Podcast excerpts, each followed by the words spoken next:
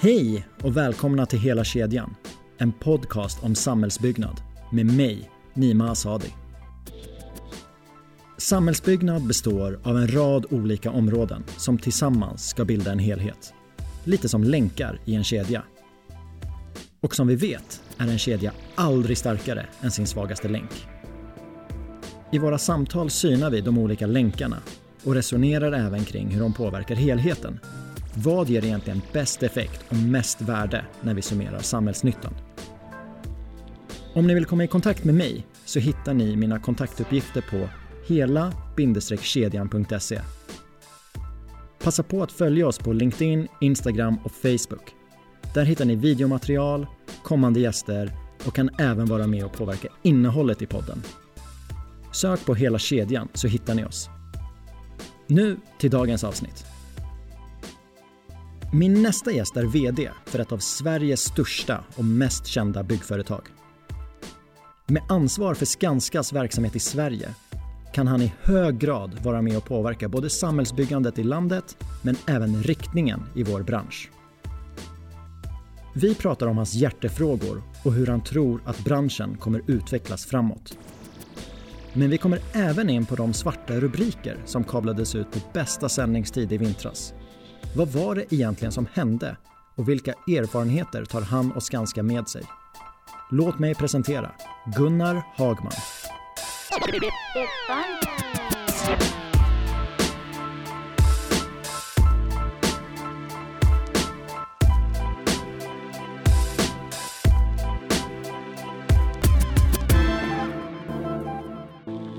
Varmt välkommen till podden Gunnar. Tack så hemskt mycket Nima. I introt så har jag då berättat att du är VD för Skanska i Sverige. Men jag skulle vilja utveckla det lite. Hur kom det sig att det blev samhällsbyggnad för dig? Ja, men det är en eh, bra fråga. Jag tror egentligen en kombination av olika saker. Eh, jag hade en, en farfar som jag tillbringade somrarna med som var snickare. Som hade en egen liten snickarverkstad också. Jag gillade jättemycket att vara där. Så att, och han byggde hus och sådana här saker också. Så att, eh, redan där fick jag liksom ett stort intresse för det. Och sen när våra närmsta bekanta i liksom familjen kan man säga också var ingenjör. Och det var också något som jag blev väldigt fascinerad av tidigt när jag var liksom under tio år. Sådär. Eh, och sen var det nog också att jag hade kanske en viss fallenhet för vissa ämnen i skolan och så vidare. Jag gillar matte och sådana här ämnen också. Så att, att jag landade i ett ingenjörsyrke var, var nog inte så svårt att gissa egentligen. Men, men det fanns liksom det här tidiga liksom, intresset och fascinationen för att faktiskt bygga någonting som, som blir bestående och man kan se. Så att eh, jättekul val som jag gjorde har jag inte ångrat faktiskt någon gång heller. Sen när jag blivit lite större om man får säga så, så har jag ju sett vilken viktig del samhällsbyggandet eller byggandet har liksom i hela samhället då. Utifrån liksom, ja, bygga kommunikationssystem, man är en stor integrerad del av samhällsekonomin, inte minst med fastigheter och annat då. Så att eh, inser ju idag liksom att det är, det är, man är otroligt eh, lyckligt lottad att få vara en del av denna fantastiska bransch också. Ja, jag håller med. Mm. Högskolevalet, var det enkelt? Det låter så. Eh, jag, jag valde att läsa i, i Lund eh, och, och, jag är från Skåne ursprungligen också så att det är lite fegt på ett sätt. Men det var faktiskt så att den utbildningen var lite nischad med man skulle få göra ett år utomlands också. Eh, så det var det som avgjorde faktiskt för min del. Så att jag tillbringade sen ett, ett år i USA också som var jätteroligt. Vart i USA? Då var det i Los Angeles på 90-talet. Så att det var eh, spännande att vara där. Det var eh, jättekul och eh, intressant också att vara i USA just den tiden. Det var under första Irakkriget också faktiskt. Så att det var många perspektiv på den resan. Så du pluggar i Lund, ett år i USA. Mm. När det var dags för första jobbet, hur gick tankarna då? Eh, Ja, du, du, jag var ju sugen på att jobba, jobba utomlands. Så att eh, Skanska var ett företag som redan då var rätt så eh, känt för det. Eh, hade stor verksamhet ute runt om i, i världen. Eh, och sen så när jag, när jag skulle söka jobb så var det precis efter fastighetskrisen också. Som var den förra riktigt stora krisen i Sverige faktiskt i vår bransch då. 90, 91, 92. Så jag kom ut precis i den krisen kan man säga. Eh, och det var inte så många företag som anställde. Skanska var ett av de få. Så att jag varit rätt lycklig också att jag eh, fick ett jobb faktiskt på den tiden. Det var inte alla kursare som, som fick det. Till vilken roll var det som du blev rekryterad? Då var det en, eh, ja man kan väl kalla det någon typ av trainee-program, även om det inte var så strukturerat kanske. Men eh, tanken var att eh, börja ut i produktionen så att jag var, kan man säga, biträdande arbetsledare skulle man nog kalla det. Men i princip var det att jag fick hjälpa yrkesarbetarna med olika arbetsmoment när jag började första kanske sex månaderna. Utsättning och den typen av grejer. Då. Så att eh, eh också eh, otroligt lärorikt att få jobba ute i produktionen. Måste jag säga. Det, det ger rådet faktiskt till alla som ska liksom in i vår bransch att testa och jobba ute i ett byggprojekt. Någon gång och gärna liksom tidigt för man har så otroligt mycket nytta av det. Ja, det kan jag hålla med om. Du är ju kvar på Skanska än idag. Aha. Så jag kan tänka mig att du har hunnit med att eh, testa på lite olika roller. Ja, ja men det har jag. Hur har din bana sett ut inom Skanska? Ja, det har varit en eh, lång och man får nog säga lite krokig bana också på det sättet att allting är liksom inte förutbestämt såklart. Eh, och jag har valt att tacka ja till rätt mycket grejer som har dykt upp också. Jag har, jag har bytt mellan olika verksamhetsgrenar, jag har bytt olika geografier. Jag började i Blekinge som ligger i sydöstra Sverige. Eh, och sen har jag jobbat en del i Skåne med Malmö som bas och sista tio åren kan man säga med Stockholm som bas. Då. Så att jag har varit runt i olika delar av landet. Men också varit i husbyggeri, projektutveckling, jag har jobbat inom vår industriverksamhet med asfalt och betong. Eh, verksamheten, produktionen och det. Och slutligen ganska mycket projektutveckling eh, innan jag klev in i detta jobbet. Då. Det passar bra i vår podd att du har testat på lite olika delar i kedjan. Ja men det var faktiskt en del i att jag tyckte det var väldigt kul också att få träffa dig och prata lite grann. För jag har sett, du, du har ju liksom en, ett spännande vinkel på det här tycker jag. Att se liksom vår, vår fantastiska bransch utifrån liksom hela, hela värdekedjan och flera olika perspektiv. Ja, tack, ja, jag mm. håller med. Du har även haft en del engagemang utanför Skanska. Jag ser att du har varit verksam i Sveriges Byggindustrier. Vad gjorde mm. du där? Ja, jag är sen sista kan man säga, årsstämman då invald som, som vice ordförande. Och vilket jag snäpper upp lite grann mitt engagemang där då. Och eh, varit engagerad egentligen i vår branschorganisation eh, under många år i olika skeden så att säga. Men, men nu senast då sen eh, ja, kan vi säga, tre år tillbaks.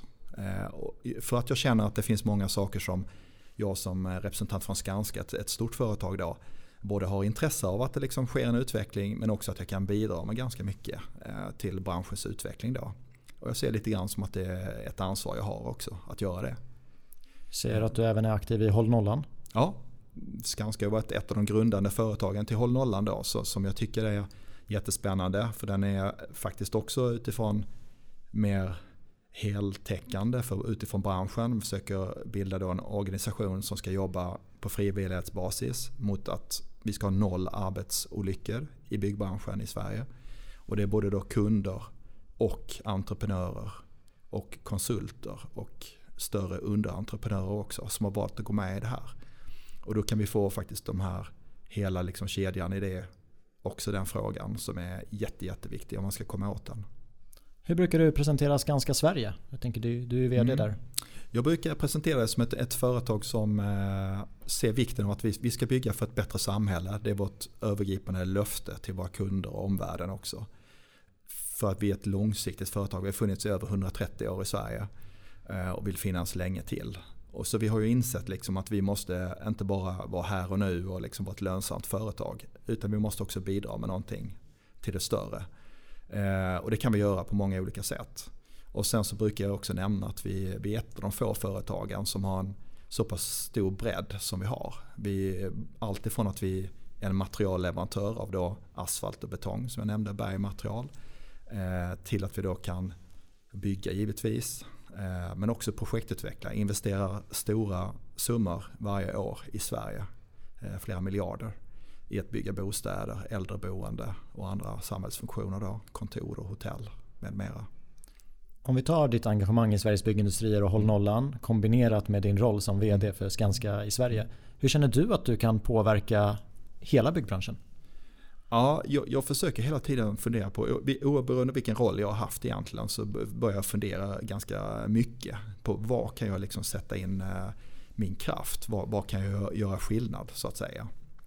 Och när det gäller min nuvarande roll då som, som, som vd för Skanska Sverige så ser jag att de områden som jag tycker liksom både ligger mig själv varmt om hjärtat, hänger ihop med Skanskas liksom mål och vad jag ser behövs liksom i vår bransch så, så har jag fokuserat väldigt mycket på klimat som är en hållbarhetsområde då. Där vi måste göra en jätteresa. Och sen eh, säkerhet, arbetsmiljö då helt enkelt. Att jobba för noll arbetsolyckor. Eh, de frågorna är, är jätteviktiga.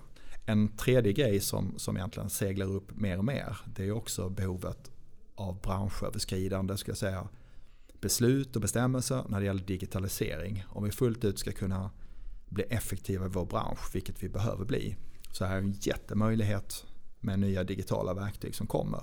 Men det bygger också ganska mycket på att man kan eh, enas om vissa standarder, hur man kodifierar saker och så till exempel. Eh, och kanske att vi ska slippa att varje företag ska uppfinna liksom ett eget hjul också. Så det finns mycket att vinna på branschöverskridande jobb. Men jag skulle säga prioritera först är ändå eh, säkerhet, arbetsmiljö, klimat och sen digitalisering. Men om vi börjar med klimat. Mm. För det går ju inte en dag utan att jag läser någonstans att mm. vi, vi måste ställa om. Det ska till en omställning. Mm. Vissa säger 2030, vissa 2045. Mm. Men alla är överens om att omställningen ska till. Ja. Hur kan du bidra till den? Ja, först så kan jag säga att vi, vi fick ju ett, eh, ett väldigt hedervärt uppdrag av eh, regeringen. Eh, att ta fram en färdplan för hela byggbranschen i Sverige. Som faktiskt Skanska som ensamt företag fick hantera. Och, och, vi tackar jättegärna ja till den såklart. Och, och sen har vi bedrivit det arbetet tillsammans med många kollegor i branschen och lämnat över den för två år sedan ännu till regeringen. Så sen är en färdplan som används framåt. Hur vi ska ta oss då till noll 2045. Och det finns ett, en mellanstation som kommer rätt snart och det är 2030. Då är i princip en halvering måste ha inträffat för att vi ska klara att komma ner till noll också. Och den, vår analys såg vi liksom att man kan komma ner med befintlig teknik ungefär till en halvering. Vilket är fullt rimligt till 2030. Men det innebär ju att man måste göra massa saker redan nu. Och det är, I vår bransch är det mycket utsläpp som kommer från fossila utsläpp via bränsle till exempel, ungefär en tredjedel. Och sen är det koldioxid som kommer ut vid tillverkning av cement, som är en stor del av betongen då. Och sen är det då ståltillverkning kan man säga som en annan tredjedel i princip. Och man måste angripa alla de här tre delarna för att nå noll. Men fossila bränsle kan man ju redan idag göra ganska mycket och det gör vi också i våra asfaltverk till exempel. och så. Du nämnde att med befintlig teknik kan vi göra väldigt mycket. Ja. Finns det några hållbara lösningar som Skanska trycker lite extra på just ja. nu? Ja, men det skulle jag säga. Om man tittar på våra utsläpp så är det just de här tre delarna som jag nämnde då. Eh, stål, cement och eh, fossila bränsle. Och vi gör ganska mycket redan nu. Tar vi ett asfaltverk till exempel, mm. som är ett bra exempel så kan man då komma ner till över 50% i minskning av utsläppen. Och då, då bygger det på att man ett, eh, återanvänder gammal asfalt. Då krossar man ner det, ja, den asfalten vi ser, man kallar det granulat. Och så blandar man in det i nytillverkning av asfalt. Och då behöver man inte liksom köpa ny bitumen, det här svarta helt enkelt som är oljebaserat. Då Det är en stor vinst för miljön. Och det andra man kan göra sen är då att när man hettar upp det här materialet till 200 grader för att få ja, för att tillverka asfalt så är det mycket stenmaterial då så det är otroligt mycket energi som går åt. Och då kan man använda fossilfria bränsle istället. Till exempel trä då, flis eller pulver eller biogas till exempel. Vad har ni fått höra från era kunder när ni erbjuder den lösningen? Alltså de står i kö faktiskt för att köpa de här produkterna. Så att det är jättekul. Vi har väl eh, marknadsfört det här på fullt allvar skulle jag säga sen förra året och testat själv. Jag har faktiskt själv varit ute och provat att lägga grön asfalt. Hur gick det? Ja, det gick över förväntan. Med, med, lite hjälp från eh, eh, våra medarbetare såklart så, så, så, kunde även jag lösa det till slut. Men det, det roliga var faktiskt att lyssna på de som jobbar med det här i dagligen som inte kunde känna att det var någon större skillnad till exempel. För man är ju rädd att det ska vara kanske då svårare att jobba med en ny produkt eller att man inte får samma kvalitet och så. Men det var faktiskt enbart positivt. Ja, det är det jag tänker. Att om man kan få samma egenskaper i produkten då blir det ju en prisfråga. Men om kunderna är positiva så finns det ju förutsättningar för att fler tar efter. Och då är det jättekul att ni nyttjar er position till att gå före. Ja, det tycker jag. Så att, eh, och här ska jag vara eh, ödmjuk också så att mina kollegor i branschen här jobbar såklart på den här frågan också. Så det, det är inte bara Skanska, även om, om jag tycker vi ligger långt fram i denna frågan. Annars har jag märkt att ni försöker ta en position, eller ni kanske, jag kanske ska säga att ni har tagit en position inom eh, betong. Ja. Vad, nej, det, vad är det ni marknadsför där? Det är också någonting vi kallar då grön betong. Och då har vi gått åt det på många olika sätt även där. Så man kan säga att det är en, en eh, betongtillverkning till exempel eh, använder ganska mycket vatten i processen. Eh, så våra nya betongfabriker har alltid liksom en återvinning på vatten till exempel. Så att det inte blir utsläpp av några liksom saker ute i naturen. Det är en grej så att den verkligen är så miljövänlig som det kan vara själva processen. Och sen det vi gör som minskar klimatpåverkan då det är egentligen att själva cementen och den tillverkas då i Sverige, allt på Gotland i princip. Det är en väldigt, väldigt energikrävande process när man tillverkar det. Plus att det avges via den kemiska processen ganska mycket koldioxid ut i atmosfären via rökgaserna då också. Eh, så cement kan man då ersätta med till exempel slagg som är en restprodukt från ståltillverkning i Sverige. Vi har väldigt mycket av det uppe i norra Sverige, SSAB till exempel. Och då kan man återanvända det, en restprodukt och ersätta cementen med det och ändå bibehålla kvaliteten i produkten.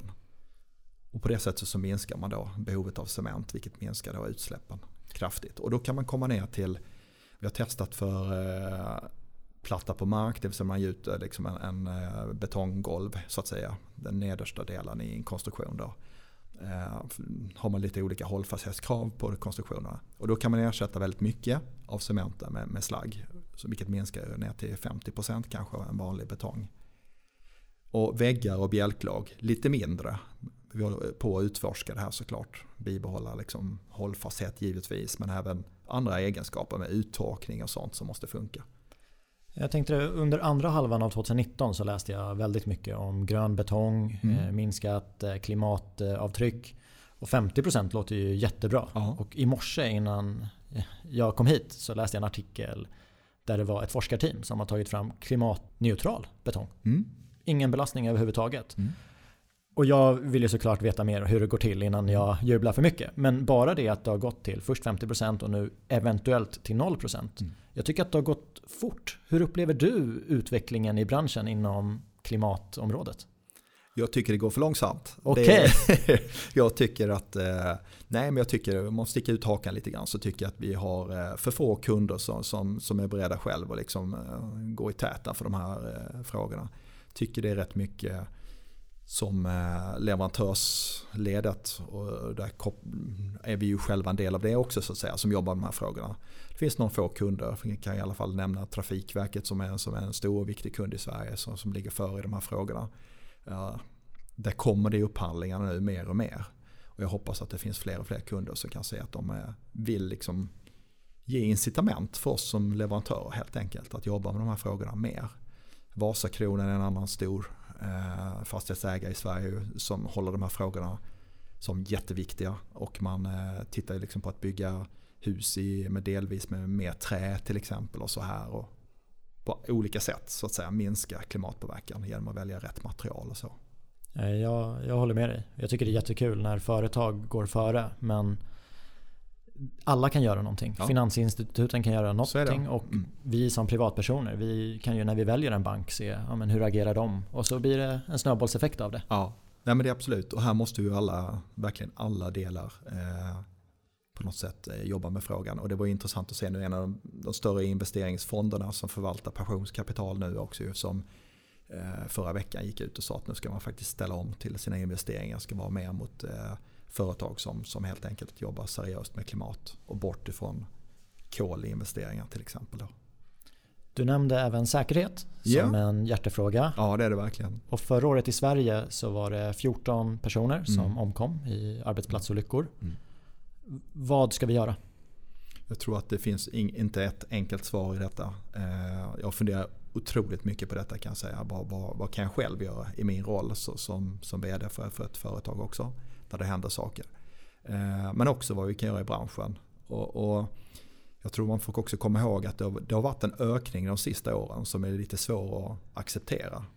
Eh, men det är klart man får komma ihåg att byggaktiviteten i Sverige har ju varit på en extremt hög nivå de sista 3-4 åren.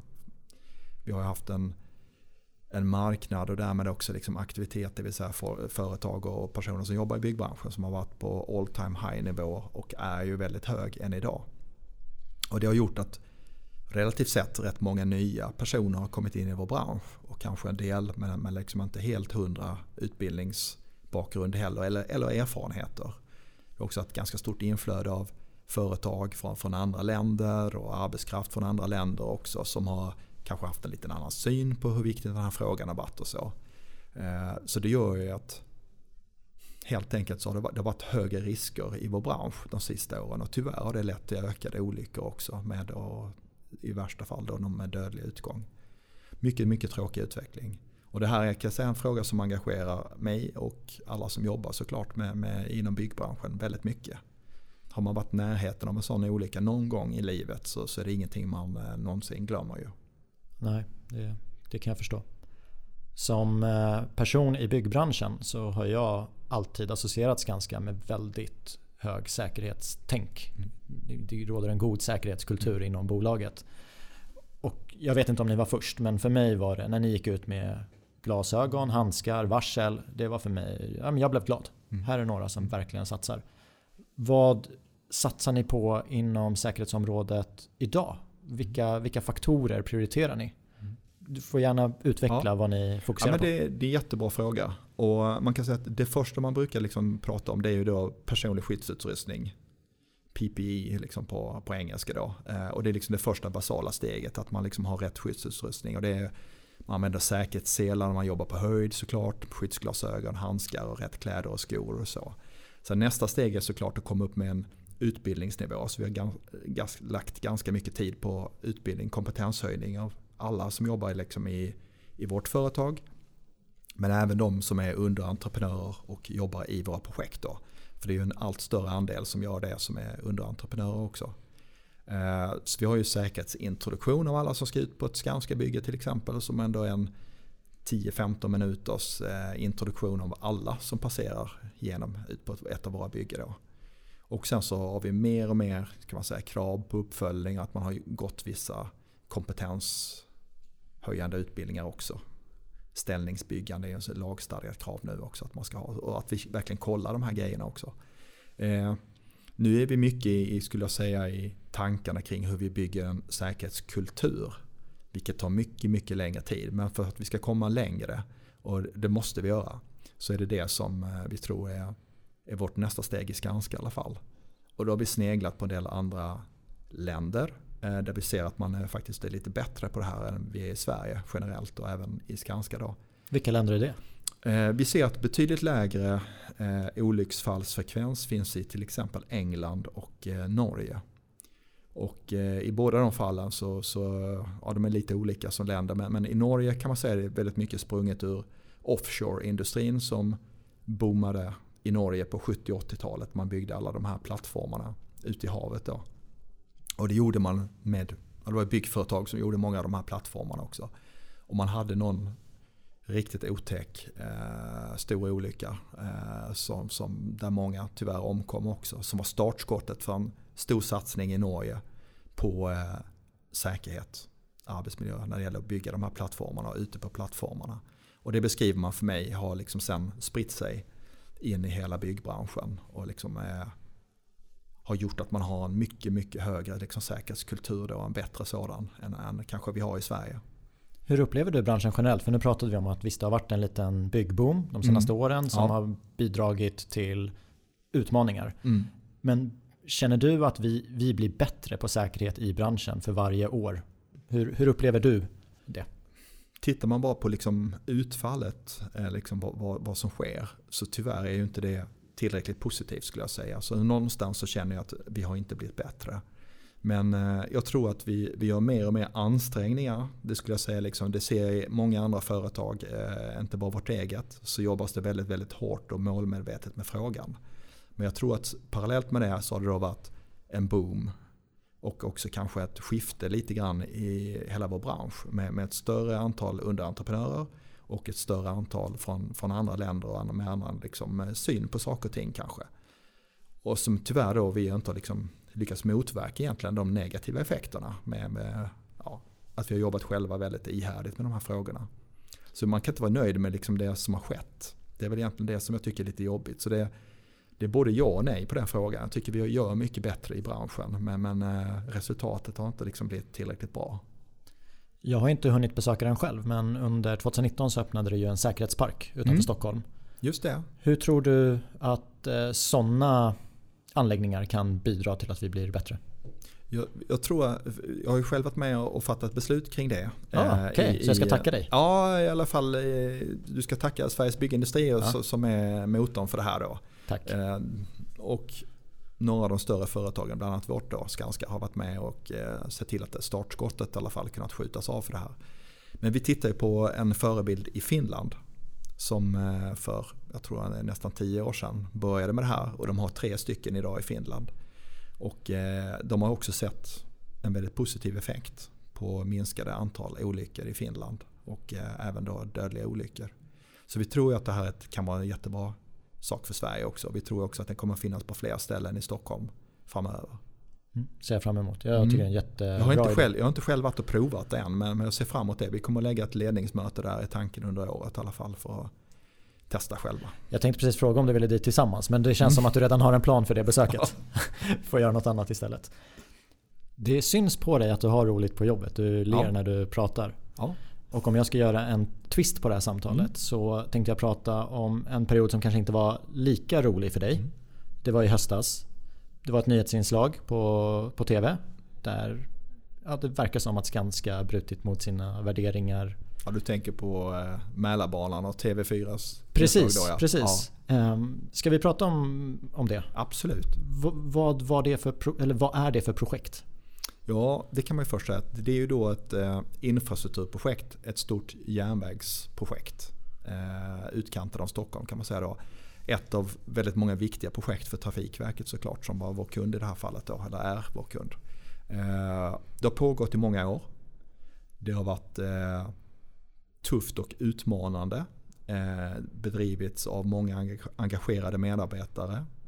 Det har också den karaktären att det är ett projekt där många pendlar in och bor på arbetsplatsen. Vilket inte är ovanligt på de här stora infrastrukturprojekten. Så många bor ju på en sajt eller på vår arbetsplats i egna husvagnar till exempel. och så.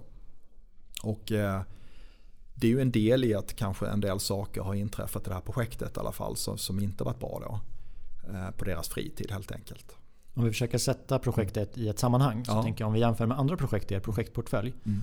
Eh, storleksmässigt, sticker ut där? Eh, vi, har, vi har någonting som vi kallar stora projektlistan. Då. Det är projekt som är ja, över 250 miljoner vilket är stora projekt. Och det är ju ett av dem. Eh, och vi har väl en 70-tal sådana projekt. Så ja. det, det, är inte så att det sticker ut som ett eh, extremt stort projekt ska jag inte säga. Men det, det tillhör de större ändå. Det är nästan eh, en miljard i total kontraktsumma. Ja, det är, så det är ett stort projekt.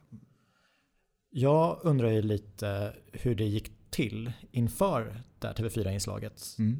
Fick du ett samtal innan det skulle sändas? Nej, det fick jag inte. Eh, och det får man ju sällan nu för tiden heller när det gäller mediala, eh, den här typen av liksom avslöjande eller man ska säga.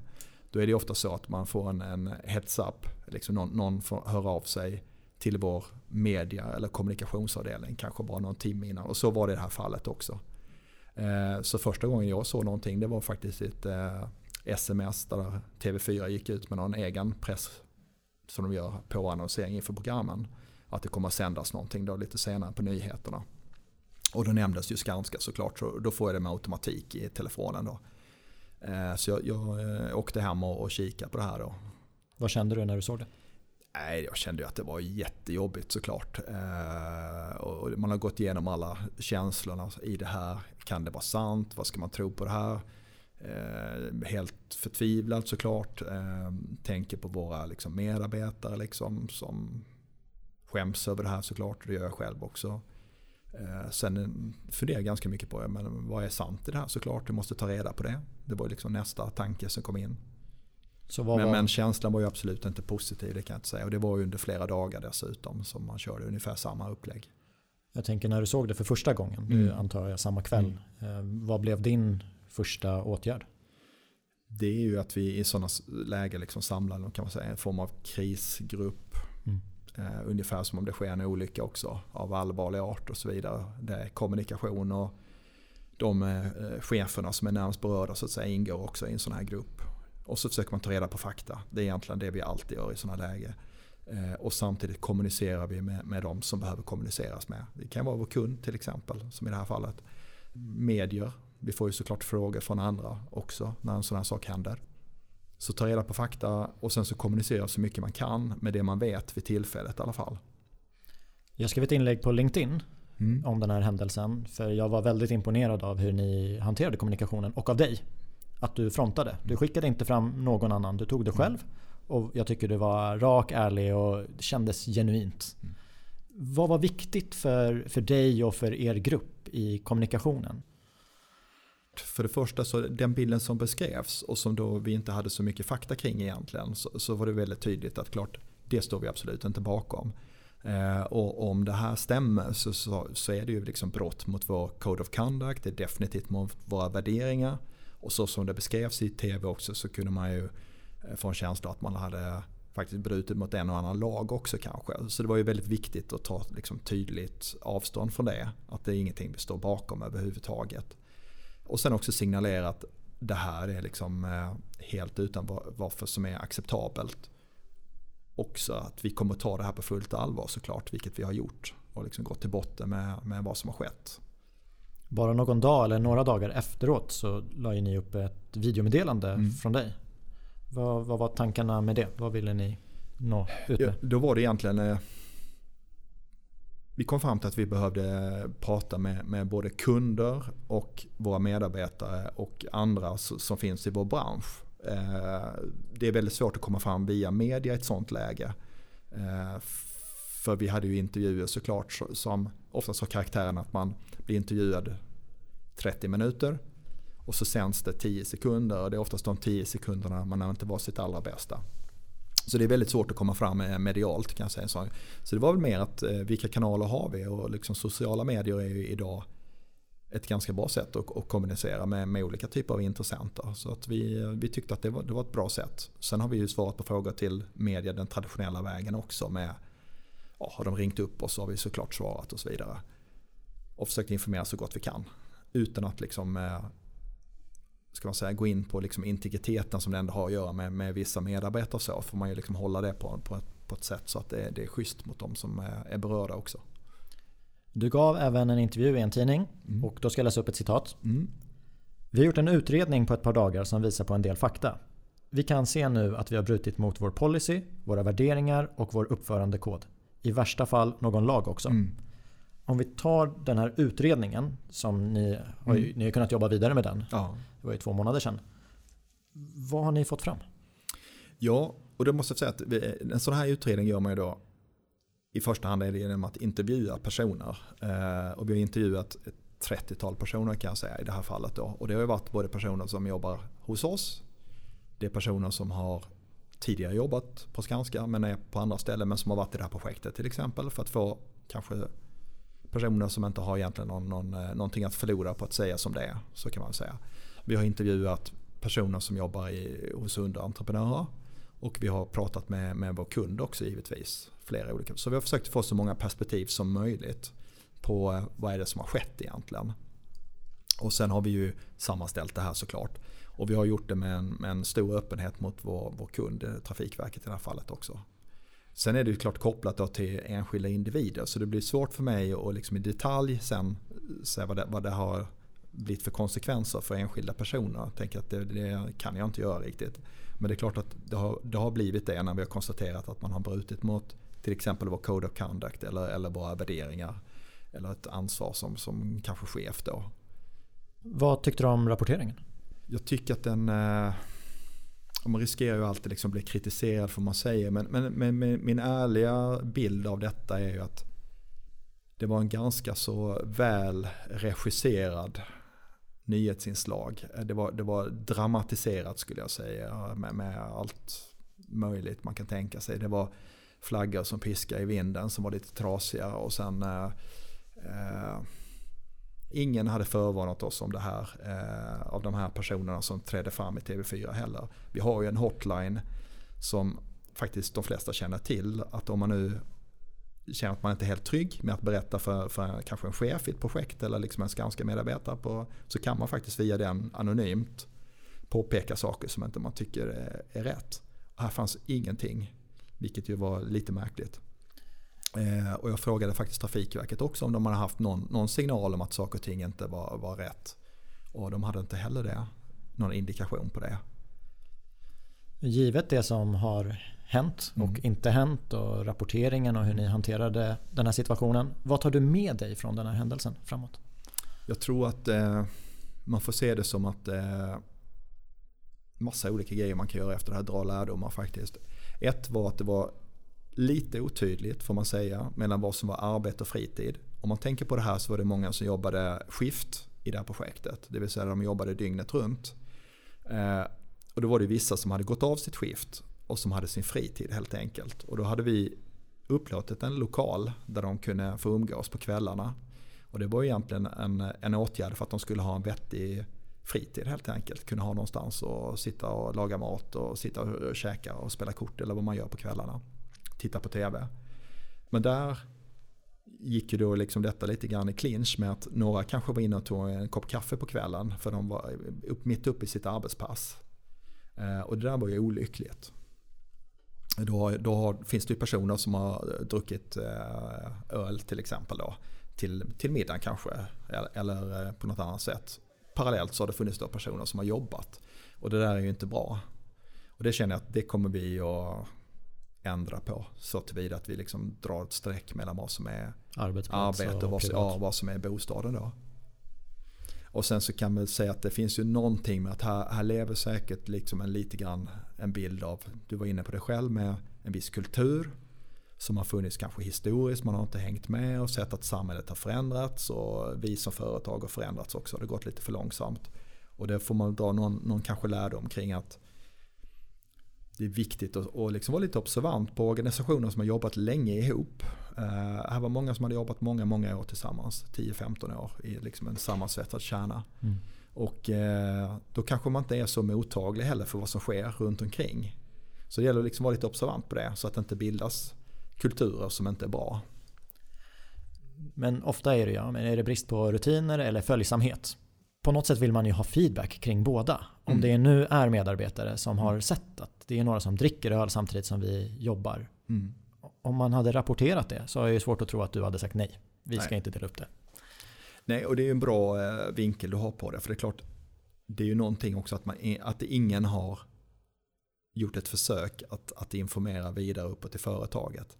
Det är ju ingen bra signal för det tyder på att det kanske är en tystnadskultur eller man har liksom varit det här sammansvetsade gänget. Ingen har känt att man har velat, liksom, mm. även om man har sett saker som man inte tycker är rätt, eh, så har man inte liksom velat egentligen föra det vidare.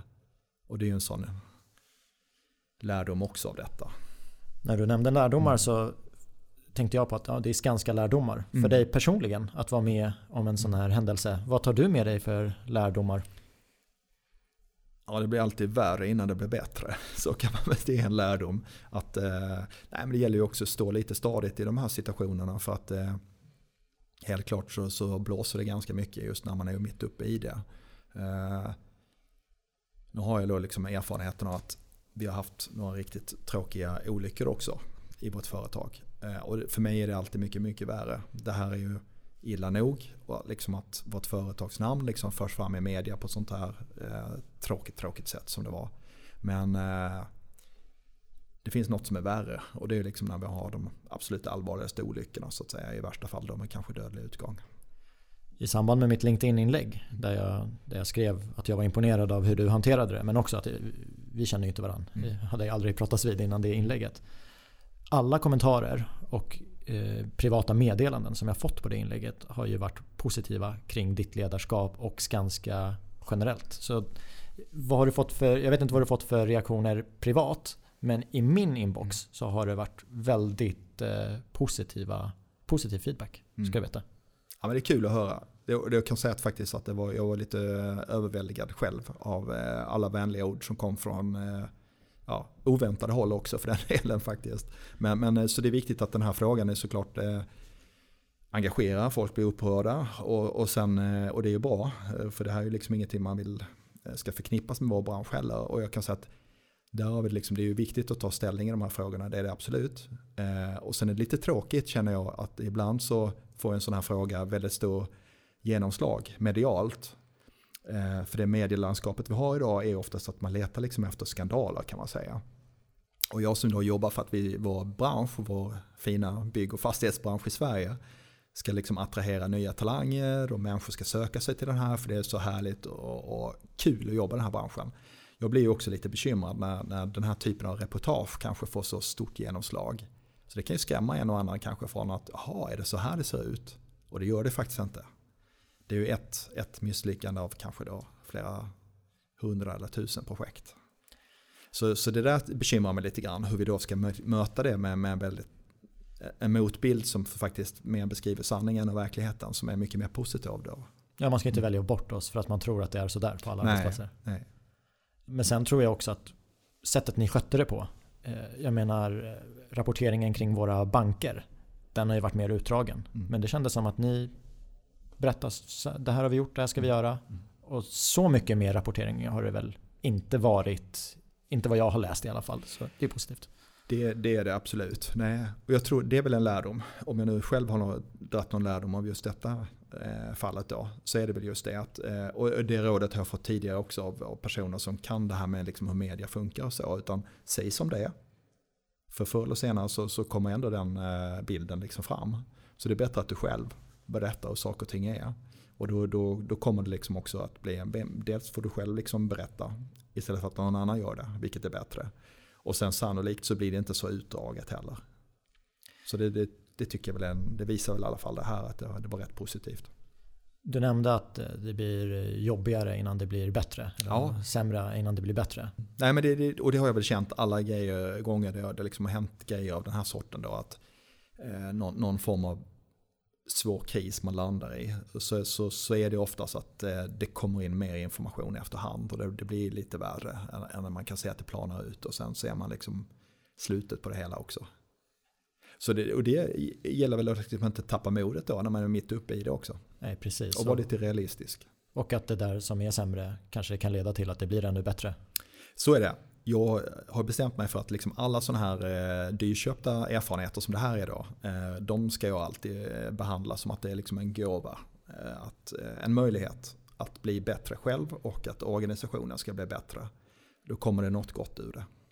Om vi fokuserar på det sista du sa, bli bättre ja. själv och att organisationen ska bli bättre. Ja. Vi spelar in det här avsnittet i januari 2020. Ja. Om du och jag ses 31 december, mm. det är 11 månader dit. Just det. Vad kommer du vara mest stolt över att eh, Skanska har åstadkommit under året och även något privat mål? Gärna. Ja, Nej, men börja med Skanska så skulle jag vilja att vi har eh, förbättrat oss inom eh, ska säga arbetsmiljö, hälsa och säkerhet. Då. Det vill jag verkligen. Jag vill att vi ska liksom se påtagliga bevis för att vi har blivit bättre i den under året. Och sen så önskar jag att vi tillsammans med kunder har kommit mycket längre när det gäller vår klimatresa. Det vill säga att vi kan visa på ett antal fina projekt där vi liksom betydligt drar ner klimatpåverkan. Och jag är ganska säker på att vi kan göra det också. Sen privat så eh, är det faktiskt kopplat lite grann till klimat också. Jag kommer installera solceller här på mitt sommarhus som ska kunna täcka upp en stor del av elbehovet då för, för vår familj. Eh, det ska bli jättespännande att se vad det, hur det funkar. Och jag kommer att försöka skifta till en, jag har en hybridbil idag.